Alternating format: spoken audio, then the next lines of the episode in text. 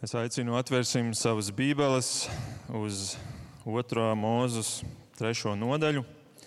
Visi, kuriem jums ir līdzi, vai mājās sēžot, ja jums ir blakus bībele, atveriet uz 2. mūzus grāmatu un lasīsim no 3. nodaļas divus pantus, 13. un 14.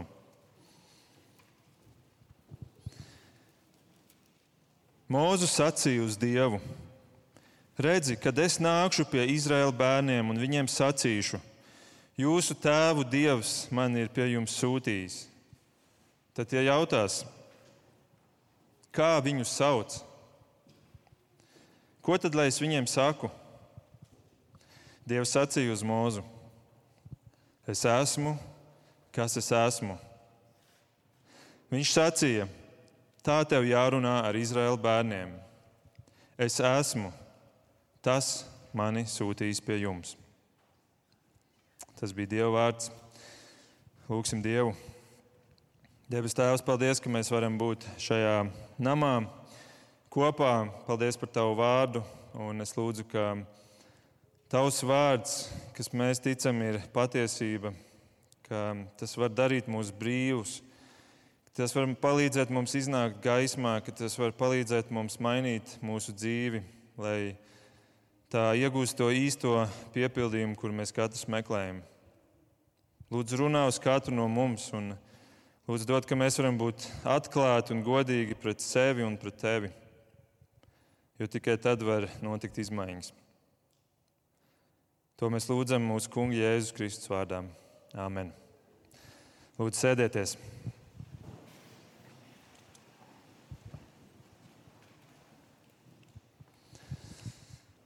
Kā kāds vecāks kungs kādā tuvo austrumu ciematā, es atsēžos ielas malā un vēroju pasauli. Vēroju tos steidzīgos. Visi kaut kur skrien, visi kaut kur raujās, visi kaut ko meklē. Un tad es pamanu, ka viņiem ir kaut kas rokā. Viņiem rokā ir āmurs. Un tad es ievēroju, ka viņiem arī otrā rokā kaut kas ir kaut kas kaltam līdzīgs. Viņus kaut kur sauc, viņi kaut kur skrien, viņiem ir jāiet strādāt. Viņi strādā līdz izdeg, viņi streso līdz saslimst. Trauksmes, depresija, miega traucējumi tas viss ir kļuvis par ikdienu. Kādi šī darba dēļ ir pametuši savas ģimenes? Nav svarīgi, vai tas ir oficiāli vai neoficiāli izdarīts. Viņi dzīvo uz citu cilvēku rēķina, bieži vien uz savu bērnu rēķina, atņemot viņu nākotnē pamatu. Un tad man ir jādomā, kādēļ, kādēļ, kādēļ jums tā jādzenas? Kas ir tas, kas jūs tā dzena?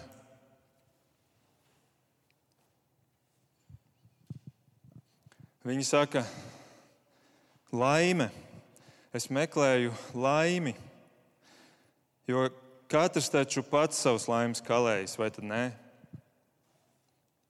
Kaut kur ir jābūt tai laimēji.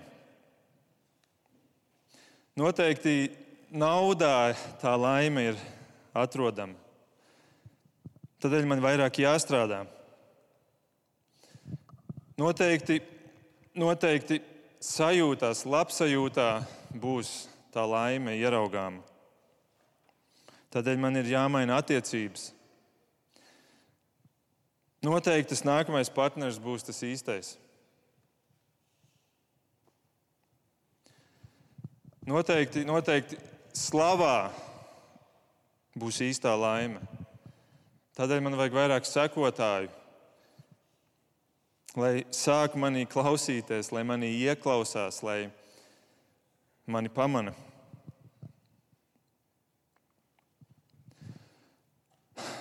Un tad, tad, kad cilvēks šos ceļus ir izmēģinājis, ir ticis pie naudas, pie sajūtām, pie slavas, tad paliek vēl ļaunāk. Tad paliek vēl ļaunāk nekā bija iepriekš. Jo visas laimes definīcijas pārbaudītas, un tomēr paliekošās laimes nav. Nav. Miers nav. Piepildījums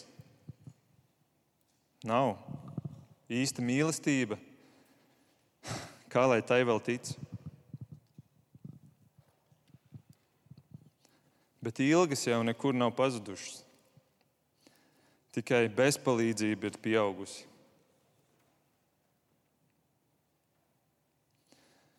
Tādi lūk ir tie cilvēki, kuri man steidzas garām.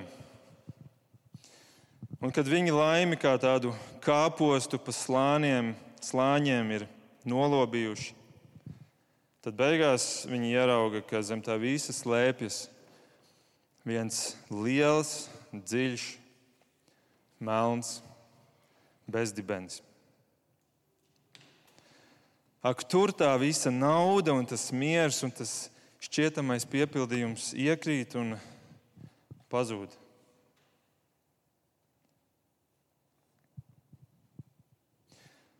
Izcilais franču matemātiķis un filozofs Blēs Paskāls arī bija novērojis kaut ko līdzīgu.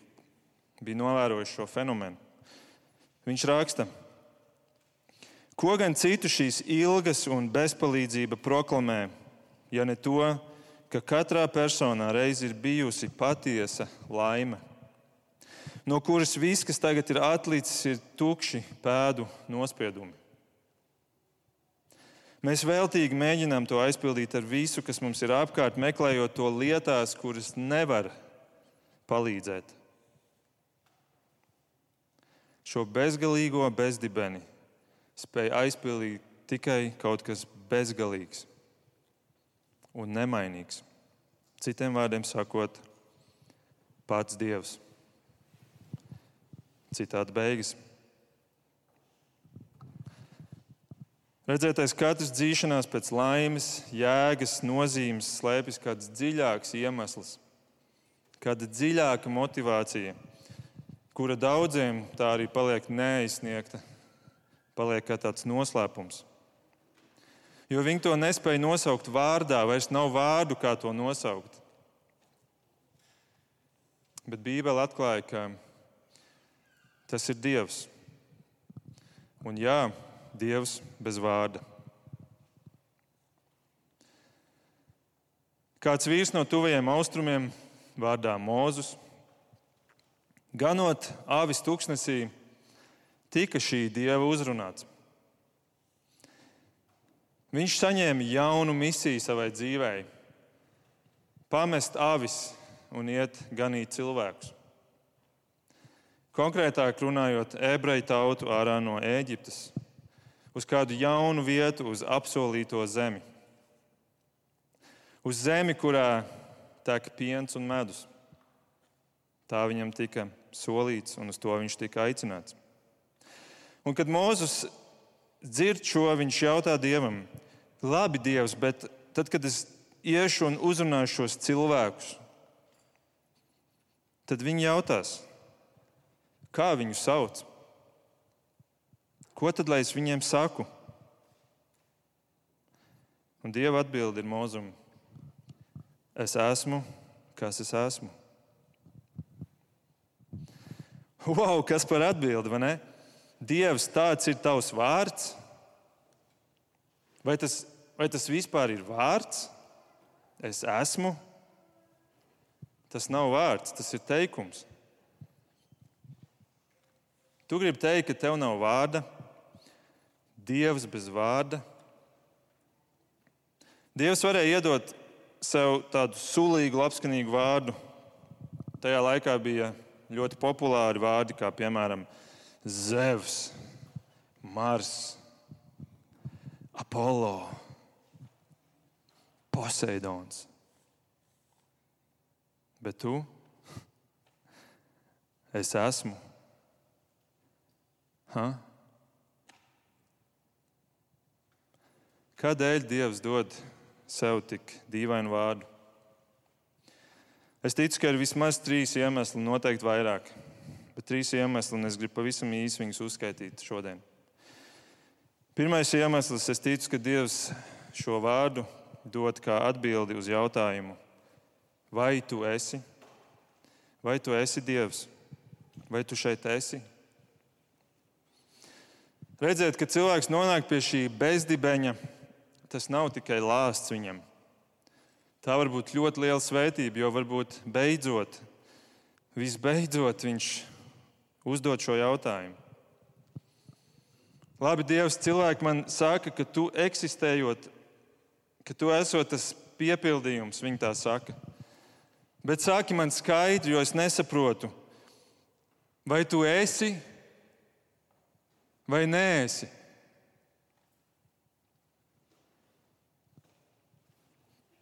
Es esmu. Tāds pat ir mans vārds. Es esmu. Un tādējādi Dievs ir kā Dievs bez vārda, jo vārda vietā viņš iedod teikumu, ar kuru viņš uzrunā cilvēku. Dievam svarīgāk par kaut kādu vārdu ir tas, ka viņš uzrunā tevi cilvēku.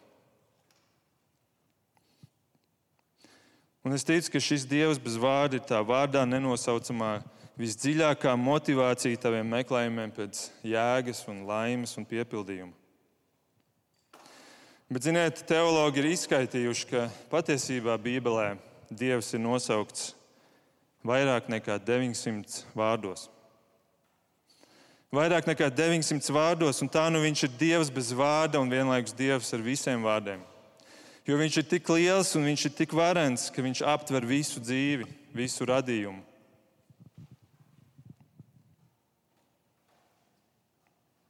Kādēļ Dievs sevi tā sauc? Pirmkārt, lai atbildētu uz jautājumu, vai tu esi. Bet otrkārt, lai atbildētu uz jautājumu, kāds tu esi. Viņš saka, es esmu, kas es esmu. Tā ir tagadnes forma. Tagadnes forma. Es esmu, nevis es biju vai es būšu. Jo tā vairāk cilvēks runā, vai ne? Jūs esat pamanījuši, ka tā ir vairāk tā cilvēka izteiksmes forma. Cilvēkam labāk patīk dzīvot pagātnē vai nākotnē. Viņam patīk runāt par pagātni. Es biju tas un tas. Agrāk bija labāk, vai nākotnes formā. Kad notiks tas un tas, tad beidzot es būšu apmierināts. Rīt es mainīšos, rīt es būšu cits cilvēks. Pagātne vai nākotne, tikai ne tagadne. Cilvēks no tagadnes šķiet bēg, viņam gribās bēgt no tās. Vīri bēg no savām ģimenēm, jo tā tagadne ir par smagu. Cilvēks bēg no tagadnes pretī pudelei, un Latvijā alkoholisms ir lielākā atkarība problēma.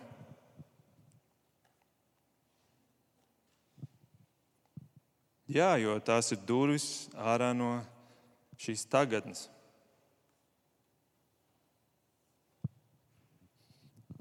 Bet es ticu, ka Dievs nav paredzējis cilvēkam mukt no tagadnes. Dieva griba ir, ka cilvēks var dzīvot pilnvērtīgi šajā tagadnē. Tādēļ viņš ir tagadnes Dievs. Viņš ir es esmu. Un eh, viņš nemainās. Vecajā derībā Malajāhijas grāmatā, trešajā nodaļā, viņš saka, es esmu tas kungs un es nepārveidojos. Es esmu. Un tikai tie, es ticu, kuri dzīvo ar šo es esmu, spēj pa īstam dzīvot šodienai. Tikai tie, kuri dzīvo ar šo es esmu, spēj pa īstam dzīvot simtprocentīgi šeit, šodienai. Ar piepildījumu, ar prieku, ar mieru. Tikai viņi iegūst šo paliekošo apmierinājumu. Izcilais britu sludinātājs Čārls Hedons Spērģents ir teicis, cilvēkam ir viegli būt apmierinātam tad, kad viņš zina, ka Dievs ir apsolījis būt kopā ar viņu. Kādēļ Dievs ir izvēlējies sev šādu vārdu? Pirmkārt, lai sniegtu atbildi uz jautājumu, vai tu esi Dievs šeit? Otrkārt, kāds tu esi? Un visbeidzot, treškārt, kā tevi aizsniegt? Kā tevi lielo vareno Dievu aizsniegt? Ievadā brālis Raimons lasīja no Jāņa evaņģēlīja trešās nodaļas Un viņš lasīja 16. pantu. Jo tik ļoti Dievs pasauli mīlējis, ka viņš devis savu vienpiedzimušo dēlu, lai neviens, kas viņam tic, nepazustu, bet dabūtu mūžīgo dzīvību. Redzēt, Dievs sūta savu dēlu Jēzu Kristu. Un šis Jēzus Kristus, kad viņš atnāk šeit virs zemes, viņš septiņas reizes, un es nevaru parādīt ar vienu roku, Septiņas reizes viņš saka, mans vārds ir es esmu. Es esmu. Es esmu tas pats Dievs, kurš toreiz tur tūkstnesī runāja ar mūzu. Tas ir tas pats Dievs, tikai viņš ir nācis cilvēku miesā. Kādēļ viņam bija jānāk miesā? Daudzi citu reliģiju pārstāvji jautā mums, kristiešiem, Kas tās ir par muļķībām? Dievs nāk miesā. Jā, viņam bija jānāk miesā, jo tikai cilvēks spēja nomirt. Un, lai nomirtu par taviem grēkiem, viņam bija jākļūst par cilvēku. Lai viņš varētu tikt salīdzināts ar tevi, un tu varētu tikt salīdzināts ar viņu tajā dienā, kad tev būs jāstājās priekšā Dievam, lielajam tiesnesim. Bet daudzi negrib nākt, negrib vispār dzirdēt par šo jēzu neko. Viņi negrib nākt pie Jēzus. Kādēļ tas tā ir? Bībelē saka, ka tas ir tādēļ, ka dziļi iekšā cilvēks tur grēku. Viņš ir grēkojis, viņš to arī apzinās, bet viņš to tur dziļi iekšā. Viņam ir kauns par to. Un šī apziņa par grēku neļauj viņam nākt pie Jēzus. Tādēļ viņš slēpjas šajā savā tūkstnesī. Un vai jūs zinājāt, ka tieši to arī Mozus darīja tūkstnesī, tur, kur Dievs viņu uzrunā? Viņš slēpās grēka dēļ, viņš bija nositis kādu eģiptieti, un tāpēc viņš aizmuka prom, aizmuka uz tūkstnesi. Un tāpat ir ar jebkuru cilvēku, jo visi mēs esam grēkojuši. Mēs ievadā lasījām arī dažus pantus tālāk, Raimons to darīja. Jāņa 3 no 19 līdz 20, kur bija teikts, gaisma ir nākusi pasaulē, bet cilvēkam tumsība ir bijusi mīļāka par gaismu, tāpēc ka viņu darbi bija ļauni. Jo ik viens, kas dara ļaunu, ienīst gaismu un nenāk pie gaismas, lai viņa darbi netiktu atklāti. Caur Kristu Dievs aicina mūs uz apsolīto zemi, bet mēs varam tikai uz turieni doties tad, kad mēs atzīstam grēku, nožēlojam to, esam gatavi iznākt ārā no tās tumsas gaismā. Skatītī, skatīties patiesībai acīs, jo tikai patiesība tev spēj darīt pa īstam brīvu. Un, kad es lietoju vārdu patiesība, es nedomāju to mūsu patiesību, kā mums šodien ir populāri teikt, katram jau ir sava patiesība. Jā, tā ir tā patiesība ar mazo pēburtiņu. Bet tā ir jābūt tai dieva patiesībai ar lielo pēju, jo viņš saka, es esmu, kas es esmu. Nevis es esmu, kas tavuprāt es esmu. Es esmu, kas es esmu, un tev ir jānāk pēc dieva patiesības, pēc dieva noteikumiem un Dievs prasa nožēlot grēkus. Citādi tu neaizsniegsi to apsolīto zemi, kurā tek tas piens un medus, kas ir simbols zaļām ganībām, pļavām, kuras ir pilnas ar puķēm, kur bites lidinās un dara savu darbu. Bet tu paliksi savā tūkstnesī, kurā tu nevari pat sapņot par pienu un medu, un kurā pat ūdeni ir grūti atrast. Šī šodien ir tava izvēle, mans draugs. Tāpat kā Mūzus priekšā, arī tavā priekšā šodien ir šis Dievs, kurš tevi aicina jaunā dzīvē, jaunā misijā. Kurš pirmais solis ir atzīsti viņu, atzīsti viņu, kas viņš ir. Nožēlo savus grēkus, iznāc ārā no tās tumsas, no tās tumsas, kura tev nedos nekad to piepildījumu un laimi. Un tici Jēzum Kristum, tam īstajam es esmu. Un dodies pretī apsolītais zemē, kas nav tikai tā mūžība debesīs, bet kas ir iespējams šeit, šodien, dzīve kopā ar Dievu, kurā tev ir miers, prieks, patiesa piepildījums un īstā jēga, kurai Dievs tevi ir radījis. Lai Dievs tev palīdz iziet gaismā. Lūksim Dievu. Debes Tēvs, paldies, ka Tu esi devis savu vārdu, Tu esi sūtījis savu dēlu, Tu esi devis mums dzīvību, Tu mūs esi radījis tik pilnvērtīgus un piedod, ka mēs griežam Tev muguru, gribam dzīvot savā tumsā, tūkstnesī, un tad mēs sūdzamies, cik mums ir slikta dzīve. Palīdz mums iznākt gaismā, atzīt patiesību un dzīvot tavam godam. To mēs lūdzu par katru, kurš ir dzirdējis šo vēsti Jēzus Kristus vārdā. Amen.